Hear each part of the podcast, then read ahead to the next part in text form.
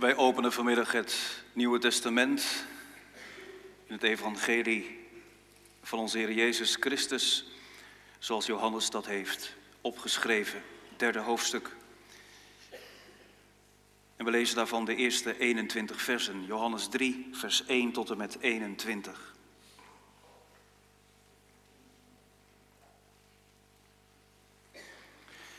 En er was een mens uit de Fariseeën. Zijn naam was Nicodemus, een leider van de Joden. Deze kwam s'nachts naar Jezus en zei tegen hem: Rabbi, wij weten dat u van God gekomen bent als leraar. Want niemand kan deze tekenen doen die u doet als God niet met hem is. Jezus antwoordde en zei tegen hem: Voorwaar, voorwaar, ik zeg u, als iemand niet opnieuw geboren wordt, kan hij het koninkrijk van God niet zien. Nicodemus zei tegen hem, hoe kan een mens geboren worden als hij oud is? Hij kan toch niet voor de tweede keer in de schoot van zijn moeder ingaan en geboren worden? Jezus antwoordde, voorwaar, voorwaar, ik zeg u, als iemand niet geboren wordt uit water en geest, kan hij het koninkrijk van God niet binnengaan. Wat uit vlees geboren is, is vlees. En wat uit de geest geboren is, is geest. Verwonder u niet dat ik tegen u gezegd heb, u moet opnieuw geboren worden. De wind waait waarheen hij wil en u hoort zijn geluid.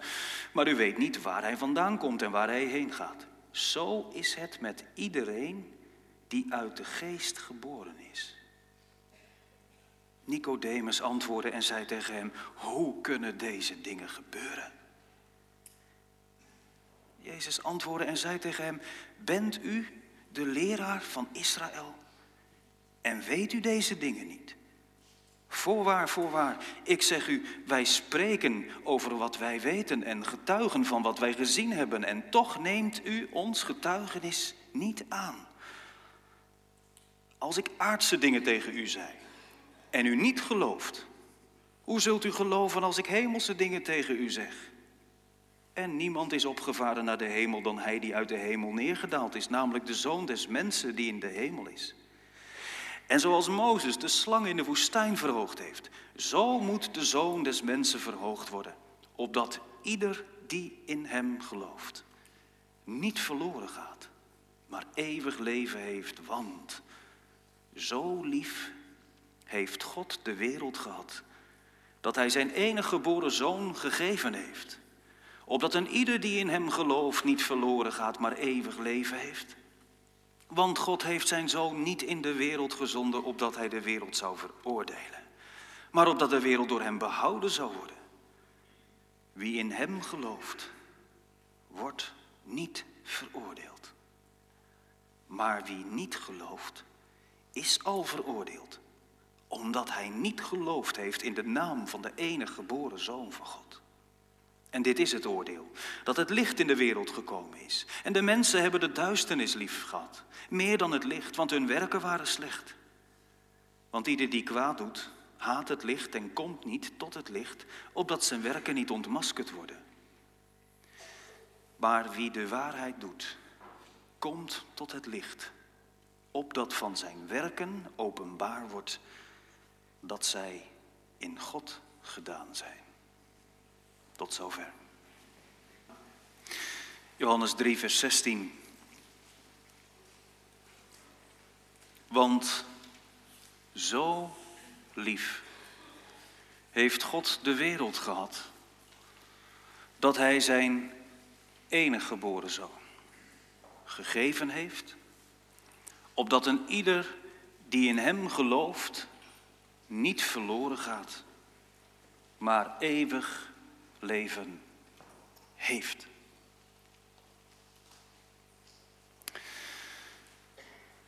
Gemeente Jong en Oud. Afgelopen week vroeg een collega aan mij.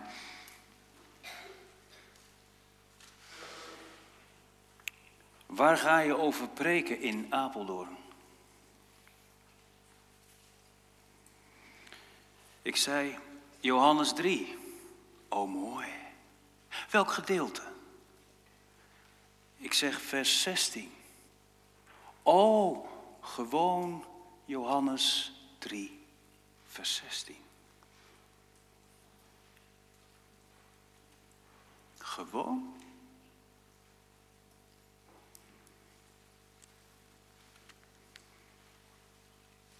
Is dat gewoon? In een begonnen week van voorbereiding op het heilige avondmaal.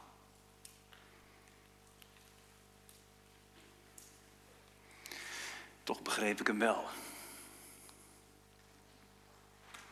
Iedere keer als je biddend je voorbereidt op het maken van een preek. En je je door allerlei geleerde boeken heen worstelt en tijd inruimt om te mediteren. In stilte te leven voor God. Ontvankelijk te zijn voor de Heilige Geest. Wat Hij wil dat de gemeente hoort.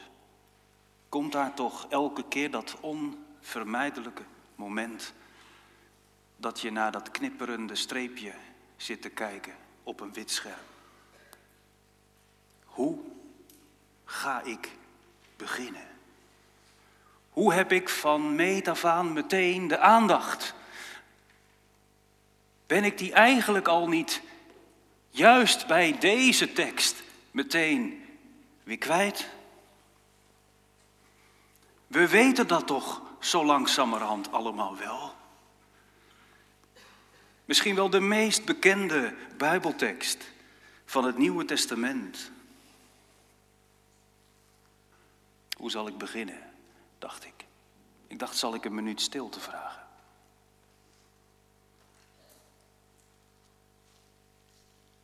Als wij één minuut stil zijn met zoveel mensen,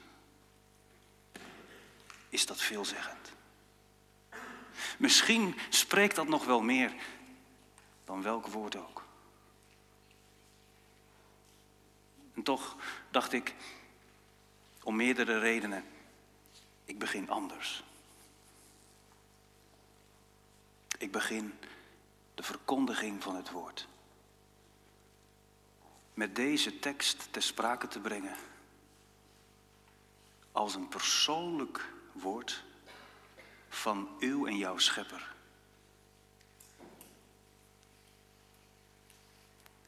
Ik zeg u namens Hem, met de volmacht van Hem, als dienaar van het goddelijke woord. God houdt van u.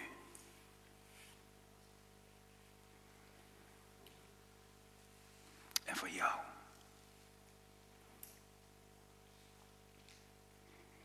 Al prekend bedenk ik me nu. Zal ik nu even stilhouden? Ik zou het wel willen, gemeente. Als ik zeker wist dat die stilte door u en jou echt helemaal gebruikt zou worden in aanbidding. De stilte van verwondering, van bezinning Houdt u van mij? Immers als je jezelf een beetje kent.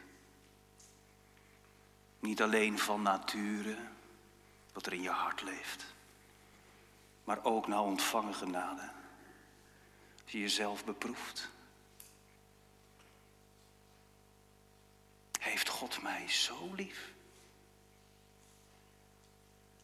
Zo lief dat hij deed wat ik niet kan. Zijn enige geboren zoon geven. Ik zei, ik zou u die stilte gunnen als ik wist dat u daarover zou mediteren. Maar weet u waar ik bang voor ben? Net zo goed als in Apeldoorn als in Schonewoerd. Al zijn daar verschillen dat wij op het puntje van onze stoel gaan zitten en denken: is die dominee helemaal van het pad afgeraakt? Wat gaat hij nou zeggen?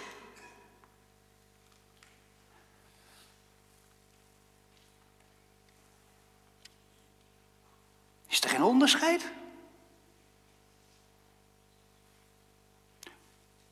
Bedoelt hij te zeggen dat God ons allen lief heeft? Ja. Ja, maar. Ja. De Bijbel is een boek dat mij ook bij bekende teksten niet alleen aan het denken zet, maar ook corrigeert. Want ik snap wel wat zo'n reactie met zich meebrengt en waar die vandaan komt. Neem nu de brief van Johannes, het tweede hoofdstuk, de eerste brief, het tweede hoofdstuk. Het vijftiende vers. Staat ook in het boek van God. In diezelfde Bijbel, in datzelfde Nieuwe Testament. Wat zegt Johannes dan namens God tegen degene die zijn brief lezen? Heb de wereld niet lief.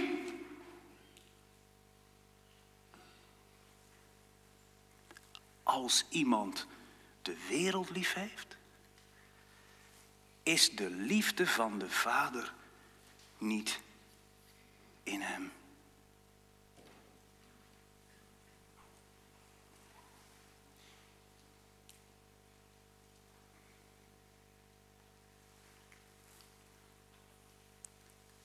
Hoe kan dat? De Heer Jezus zegt in de tekst die vanmiddag voorligt, met de hand op zijn hart. Want zo lief heeft God de wereld gehad. Dat is de liefde van de Vader. Die liefde van de Vader is in Jezus als hij dat zegt. Hoe kan Johannes dan zeggen, de Vader kan de wereld wel lief hebben, maar jullie moeten hem niet lief hebben? Nou, zegt iemand, dan zal er in het Grieks wel wat anders staan. Ik weet dat in Johannes 3, vers 16 agape staat. Die meest intieme, onvoorwaardelijke, onbaatzuchtige liefde. Dan zal er in 1 Johannes 2, vers 15, nee, staat ook agape. Je moet de diepste vorm van liefde niet geven aan de wereld. Staat er voor wereld dan? Nee, allebei kosmos. De hele geschapen werkelijkheid. En nota bene bij Johannes functioneert dat als de wereld die van God is afgevallen. De gode vijandige wereld.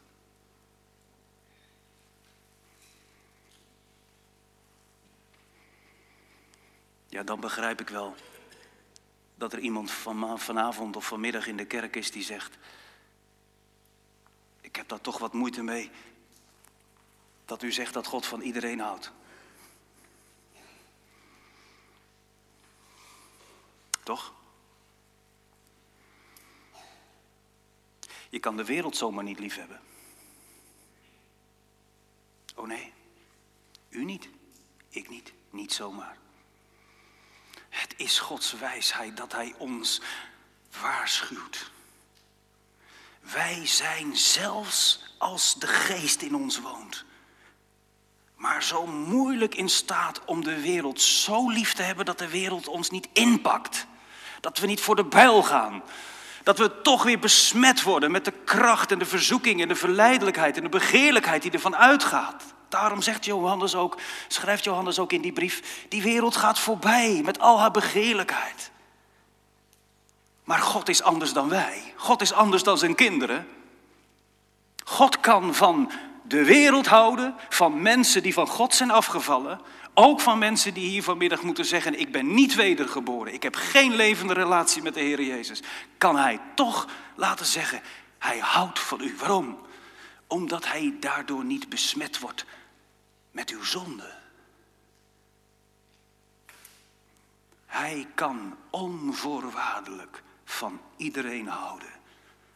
Niet om wat ze doen of om wat ze laten. Niet vanwege hun goede werken, niet vanwege hun slechte werken, maar omdat wij zijn eigendom zijn. Dat is het evangelie direct naar de zondeval. Waar ben je? Zo kwam God naar de wereld. En zo is hier Jezus Christus, die het namens zijn Vader zegt. Want zo lief heeft mijn Vader zijn wereld, dat Hij zijn enige geboren zoon gegeven heeft.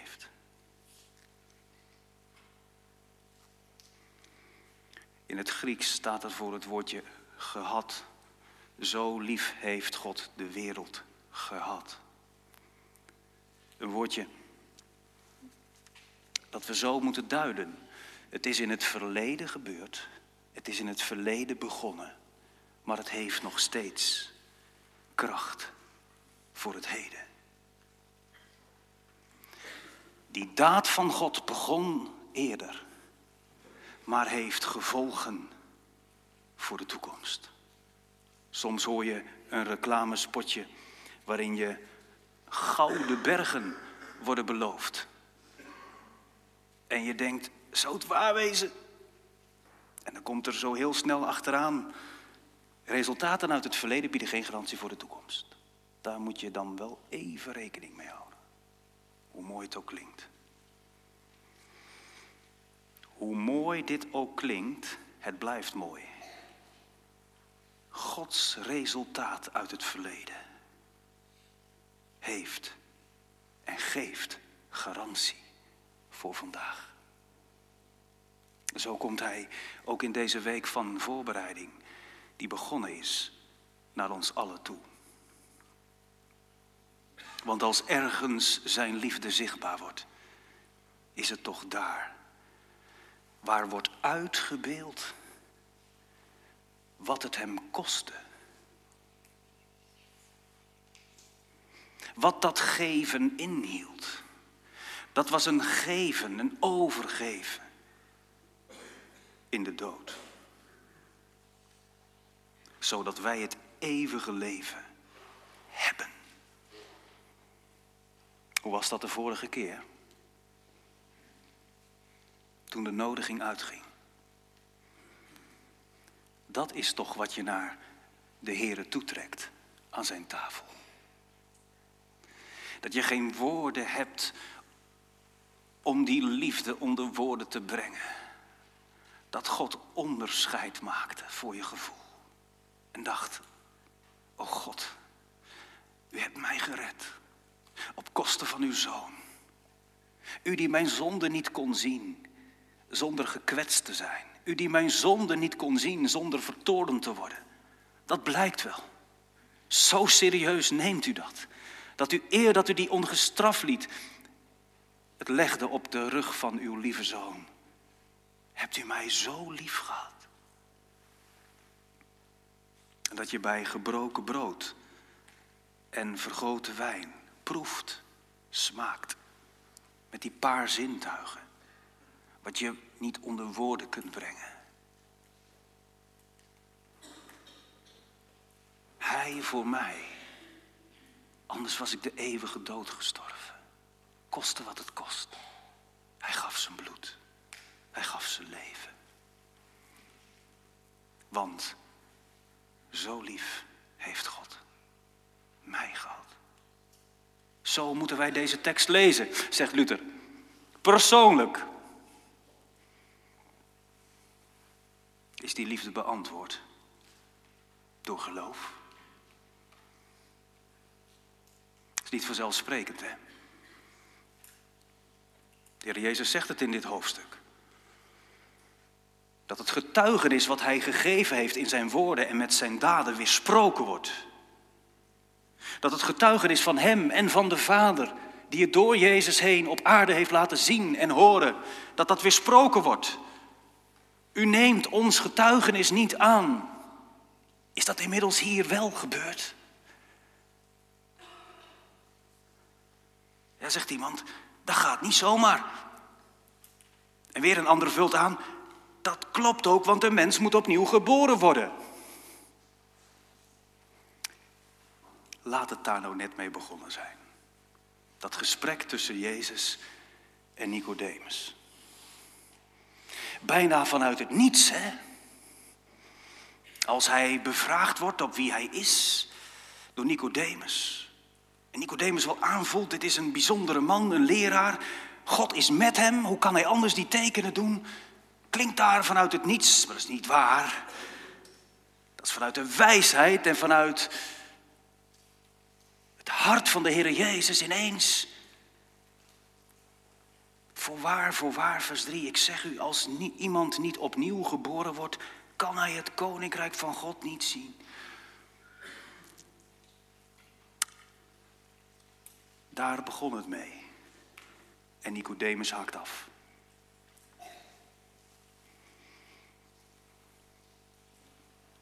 Hij probeert het biologisch te begrijpen. En als de Heer Jezus dan een theologisch antwoord geeft, in vers 5 en 6, dan eindigt hij Nicodemus met de vraag: hoe kunnen deze dingen gebeuren?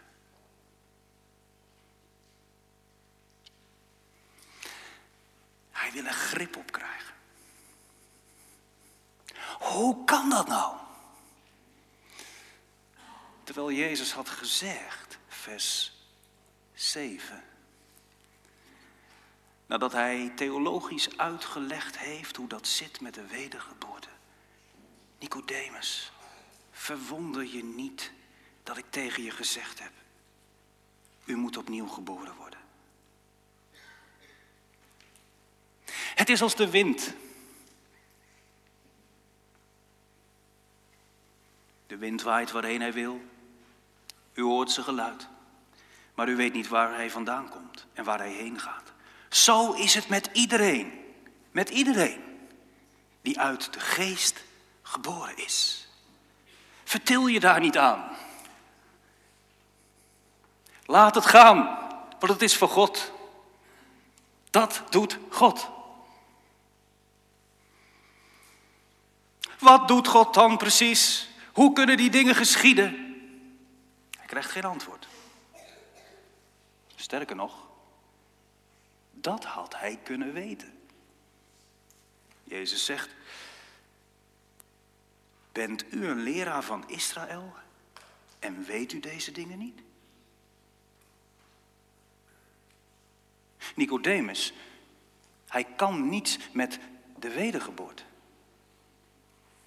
Dat woord heeft hij als zodanig ook nog nooit gelezen of gehoord. Dat geef ik toe. Maar zowel in de profeten als op andere plaatsen in het Oude Testament zijn er die machtige beloften die deze leraar van Israël had moeten weten. De machtige belofte van God dat hij zijn geest zal geven. En een nieuw hart. En een nieuw verbond. Dat er een tijd zal aanbreken. Dat door de kracht van de geest mensen niet alleen maar inzettingen houden aan de buitenkant godsdienstig zijn. Maar massaal een bekering van binnen. Daarom zegt de Heer Jezus ook in vers 12. Als ik aardse dingen tegen u zei en u niet gelooft, Daarmee doelt de Heer Jezus dus op het spreken over de wedergeboorte. En aards is dus niet slecht of zondig, maar de dingen die al gebeurd zijn op de aarde. De dingen die reeds verkondigd zijn. De belofte van wedergeboorte. De belofte van de Heilige Geest. Nicodemus, als ik daarover spreek, dan kun je dat al zo moeilijk geloven. Hoe zul je dan geloven als ik over de hemelse dingen begin? En dan zet Jezus geen punt. Dan zegt hij niet, Nicodemus, ik stop er daarom ook maar mee. Als je de voorgeschiedenis van het heil niet begrijpt, de belofte van de profeten niet concreet kunt maken in je leven, ja, dan ga ik ook over die hemelse dingen die ik bij mijn vader heb gezien en gehoord, ga ik die maar niet ter sprake brengen, want die zijn dan ook ongelooflijk. Nee, Jezus gaat het toch doen. Hij heeft het wel gehoord. Deze man, die vastloopt met opnieuw geboren worden. God zij dank loopt hij vast. Hij zou het eens gaan begrijpen. Hij zou God eens kunnen narekenen. Hij zou de wind eens in zijn zak kunnen krijgen. Het is onmogelijk, dat hoeft ook niet. Wat dan wel? Zoals Mozes de slang in de woestijn verhoogd heeft, zo moet de zoon des mensen verhoogd worden.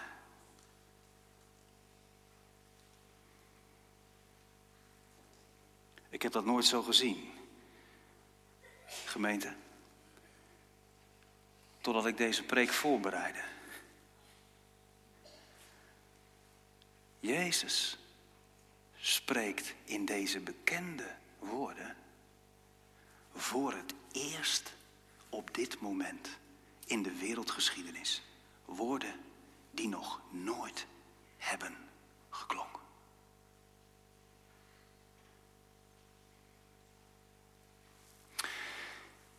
Er waren de offerdieren.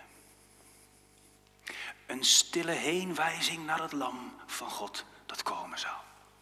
In het Oude Testament was daar die opgerichte koperen slang die stilletjes heen wees naar Jezus Christus die een vloek zou worden en de vloek zou dragen, opdat een ieder die op hem ziet in geloof nooit meer zou sterven, al zou die sterven.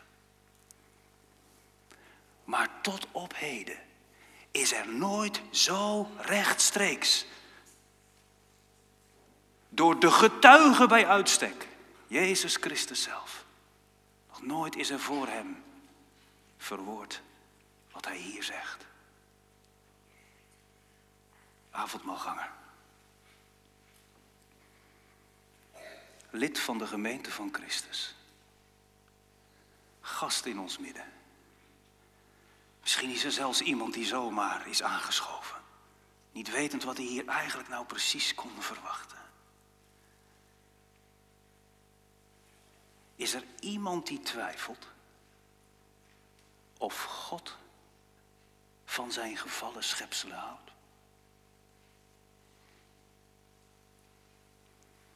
Wat zei Jezus in vers 11? Amen, amen. Hemelse dingen. Wij spreken over wat wij weten en getuigen van wat wij gezien hebben.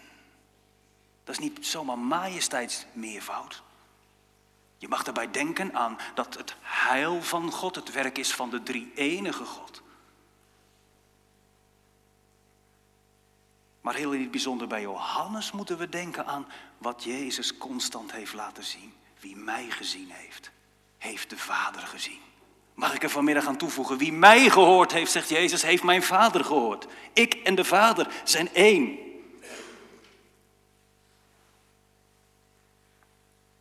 Is er iemand die het op durft te nemen tegen Jezus en zegt: Uw vader houdt niet van mij? Of uw vader houdt alleen van de uitverkoren wereld.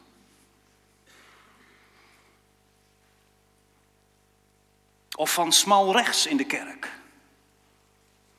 Of alleen van de evangelische, want die hebben het echte licht gezien. Of alleen van hetero's.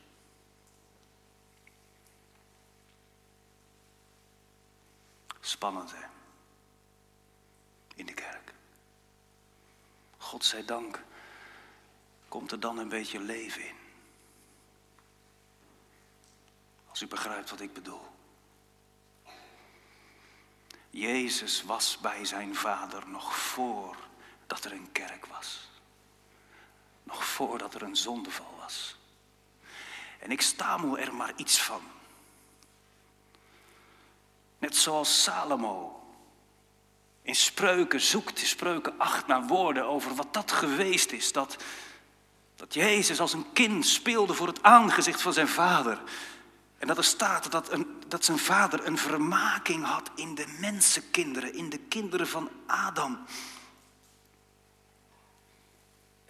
dat dat heilsplan, inclusief het kruis, de spot, de laster, de spijkers, het verraad, de verloochening, de dood van de zoon, van de erflater, van de testamentmaker. Dat het doorging.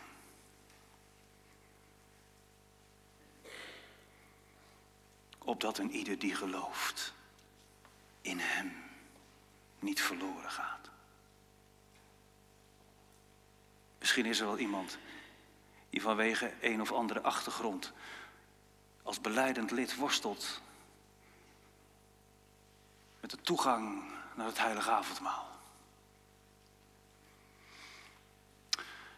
O ja, dat je de afgelopen twee, drie keren uit gehoorzaamheid bent gegaan en er ook echt iets aan hebt gehad, maar tegelijkertijd je soms zo voelt gaan en daar voelt zitten en denkt aan die momenten dat je zo anders hoorde preken. Er bijna niemand. Zou ik dan toch? Ben ik wel wedergeboren? Geboren? Vertel je niet aan wat van God is. Wie opnieuw geboren is, moet niet denken, hoe kan ik dat doen? Dat wordt voor je gedaan. Hoe zullen deze dingen geschieden? Zoals die jongens en meisjes die daar lagen in de woestijn. Dat moet je doen. Als je ontdekt, auw, gestoken. Gif in mijn lijf. En ontdekt als er niet gauw iets verandert, dan ben ik er geweest. Daarom moest die slang verhoogd worden. Opdat, al was het maar één blik, genoeg was om tot leven gebracht te worden. Beter gezegd, genezen te worden. Zo is het met mij, zegt Jezus. Die liefde van God, die er is. Zelfs voor die oudste jongen die buiten wil blijven staan. Heeft de vader het er nog voor over? Kind, zelfs die rijke man in de rampzaligheid, in het eeuwige vuur. Kind, is dat liefde of niet? Maar hier ligt het appel aan de deur van je hart. Die liefde moet beantwoord worden door het geloof. Dat moet gebeuren. Dat vraagt God. En dat schenkt Hij. Dat hoort bij elkaar. Geloof en opnieuw geboren worden. Zo lief heeft God de wereld gehad. Dat Hij zijn enige geboren zoon gegeven heeft. Het is de beste getuige die je voor de zekerheid van het geloof kunt hebben die vanmiddag het woord neemt als je twijfelt, als je aangevochten bent. Jezus heeft het bij de Vader gehoord. Zo gaat het. Dit is nodig. En dat is genoeg. Want wie in Hem gelooft, is niet langer verloren. Is niet langer veroordeeld. Maar ontvangt het eeuwige leven. Gemeente, ik moest denken aan die soldaat die terugkeerde in de Tweede Wereldoorlog vanaf het front. Je kon zichtbaar zien dat hij er gestreden had. Op weg naar huis. In de trein ging hij tegenover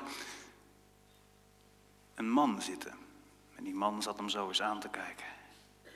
Ja, weer zo een die gehavend van het front vandaan komt. Hij had nog maar één arm. En wat er restte aan de andere kant was een bebloed stompje met verband daaromheen. die man die tegenover hem zit, die zegt: Je hebt je zeker verloren aan het front. Toen vonkte er iets in de ogen van die, van die soldaat. En hij sprak met stemverheffing. Verloren? Man, die heb ik gegeven. Die heb ik gegeven.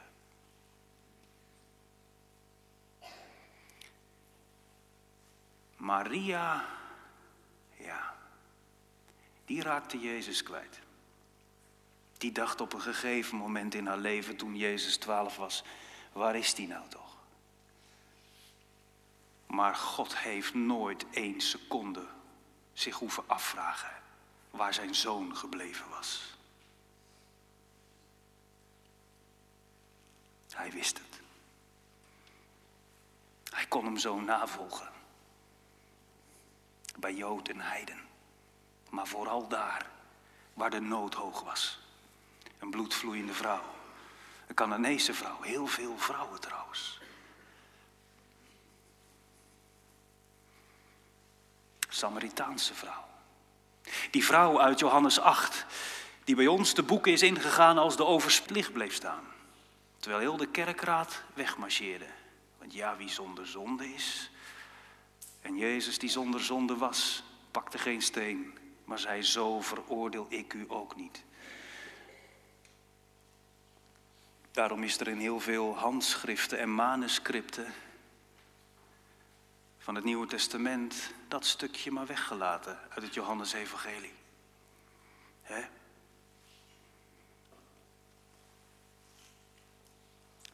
Dat kan toch niet? Als dat liefde is, geliefde gemeente, dat is. Niet om die vrouw aan te moedigen vooral zo door te gaan, want morgen is er weer vergeving. Maar om iemand die niet voor het licht van de wereld wegvlucht en eerlijk blijft staan en het hoofd buigt, te laten verkondigen. Het oordeel wat jij verdient, ga ik voor je dragen. De straf die jou de vrede aanbrengt, die komt om mij. Want zo lief, nog een reden als je twijfelt. Als je erop aangevochten wordt, nog een reden om moed te vinden. Als je denkt, die liefde van God, die is ja zo diep. Dat hij zijn kind ervoor over had. En denk niet dat Jezus met tegenzin ging. Hij, zijn vader raakte hem nooit kwijt. Maar hij raakte wel zijn vader kwijt. Zo diep ging het dan ook, hè? En zo diep zal het gaan voor al degenen die Jezus verwerpen. Dat het zelfs Gods welwillendheid is dat je in de hel bent, schrijft C.S. Lewis in de grote scheiding. Gods welwillendheid. Als je na zoveel kostbare minuten en dagen genadetijd niet accepteert dat Hij koning is in je leven. Niet op Hem ziet, maar Hem verwerpt. Zijn getuigenis niet aanneemt. Is de liefde van de Vader. Met respect tot zijn schepselen. Ook dat Hij zegt, dan heb ik voor jou een plaats.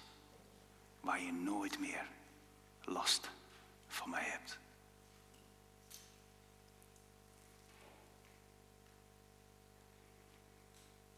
Daar moet je het niet op willen laten aankomen. Als Jezus al riep, mijn God, mijn God, waarom hebt gij mij verlaten? Wat moet het dan zijn? Voor mij, arme sterveling. Voor hem duurde het drie uur. Maar voor al degenen die hem niet in hun plaats daar zagen hangen in het geloof, duurt dat altijd en voor eeuwig. Dat is het aangrijpende van deze liefde van God. Je komt er nooit vanaf. Dan zul je in de eeuwigheid branden. Wat is dan dat branden? Niet het vuur, maar gefolterd worden door het besef. Ik had die liefde binnen handbereik. En ik heb het verworpen. Zo gezien is ook deze tekst zo scherp. Jezus heeft gezegd, God heeft zijn zoon niet in de wereld gezonden opdat hij de wereld veroordelen zou. Inderdaad. Dat de wereld door hem behouden zou worden. Wie in hem gelooft, wordt niet veroordeeld. Maar dan komt het, wie niet gelooft, is al reden veroordeeld. Omdat hij niet geloofd heeft in de naam van de enige geboren zoon van God. Laat dat hemels getuigenis dan ook klemmen in je leven als je deze Heer Jezus niet beleidt en niet gelooft. En ambtsdragers, ouders, maar ook als jij al jong tot die geloofsbeleidenis bent gekomen met heel je hart. En je kijkt naar mensen om je heen in de straat op je werk. Als je zelf die liefde hebt ontvangen, dan gaat dan toch wat van uit. Wat denk je? In de tijd van het volk van Israël, toen ze daar in de woestijn waren, waren er ook pubers hoor. En er zal er vast wel een bij hebben gelegen die gestoken was of gebeten was door die slang, maar zijn dag niet had. En dan zei zijn moeder, je moet kijken. Heeft Mozes gezegd, dat moet van God daar. We gaan niet eens een stom ding kijken. Ik heb al zoveel pijn. Wat doet zijn moeder dan? Ja, ach ja, het is de leeftijd, laat maar. Nee, kijken.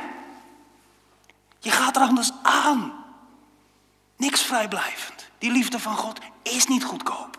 Dat is niet van zo'n beetje zoetsappig kabbelend. Ach, het is allemaal lief, het komt allemaal goed. Nee, daarom juist niet. Dat is Gods toren.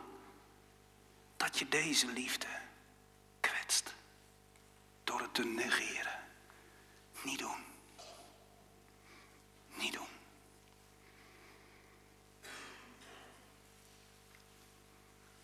Als aanstaande zondag. Broeder van de weg. De nodiging mag laten uitgaan. Ligt er als God het geeft. Een week achter je. Zult u beloven dat dit het fundament is wat vanavond onder je leven wordt gelegd, waar je op gaat bidden, waar je op gaat staan. Zo lief, zo lief. Dat hij zijn, een, dat hij zijn enige geboren zoon gegeven heeft. Ik zei net, hè, jongens, dat Jezus echt gewillig is geweest. Dat bracht me bij de voorbereiding van de preek bij een ander verhaal wat ik ooit eens las. Ook over een soldaat. Hij was niet zoals een ander, William heette die. En waarom was hij niet zoals een ander? Hij was een beetje apart. Die makkers van hem in de barak, die zeiden, dat is zo'n vaag Jezusmannetje. Die leest uit het boek. Die bidt voor zijn eten. Die doet niet mee met onze moppen.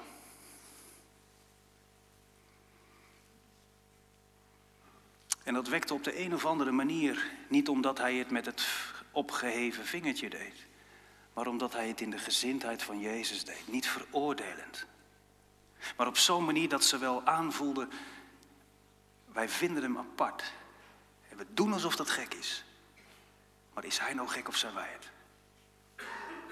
Dat zei iemand die ook bij de kerk was opgevoed en dit verhaal doorgaf van William. Ze konden hem eigenlijk niet luchten of zien, omdat het licht wat hij verspreidde en ontdekte aan hoe leeg het in hun leven was en hoe duister. Om daarvoor te buigen, moet je schuld beleiden, kleur bekennen. En dat was een beetje moeilijk. Daarom zeiden ze, laten we William eens pakken. Doorgaans lag hij veel eerder in het stapelbed dan zijn makkers. En daarom besloten ze op een goede dag, op een goede dag, iets heel slechts. Ze zeiden laten we een granaat onklaar maken, maar wel net doen alsof hij op scherp staat. En dan leggen we hem, terwijl hij daar ligt te slapen, bij zijn bed. En dan, ja, ja, ik weet wel wat ik dan. Een van die gasten neemt het voortouw, die legt daar die granaat en die roept. In de hoop dat die William helemaal overstuur wakker schrikt en, en, en, en uit het raam springt. En, en roept hij, een granaat, William wakker worden. Er is een foutje. Hij kan elk moment afgaan. Nou, William springt ook overeind. Maar niet uit het raam. Hij springt bovenop die granaat en zegt: Rennen, jongens!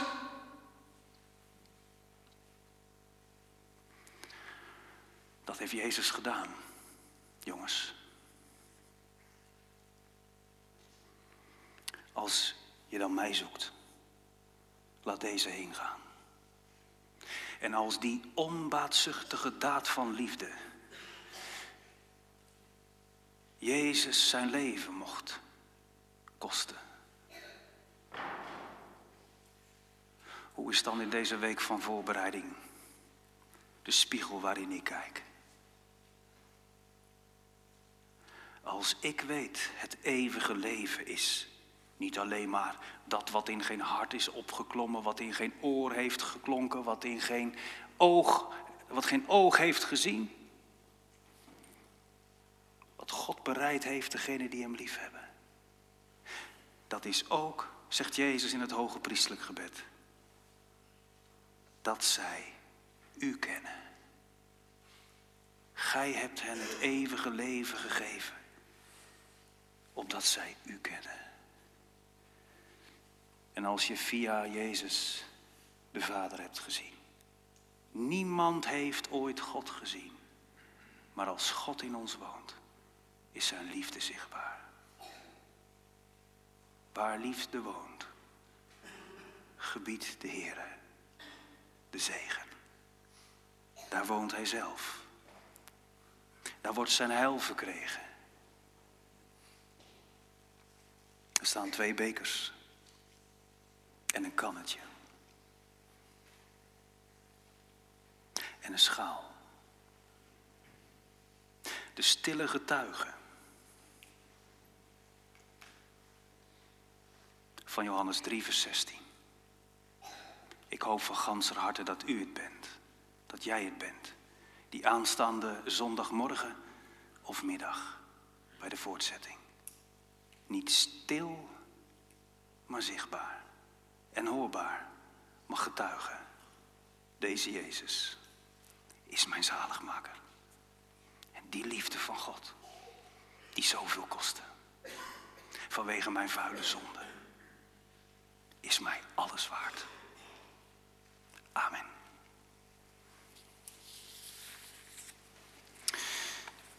We gaan als antwoord op de verkondiging met elkaar zingen. Het vierde en vijfde vers van Psalm 40 Psalm 40, vers 4 en 5.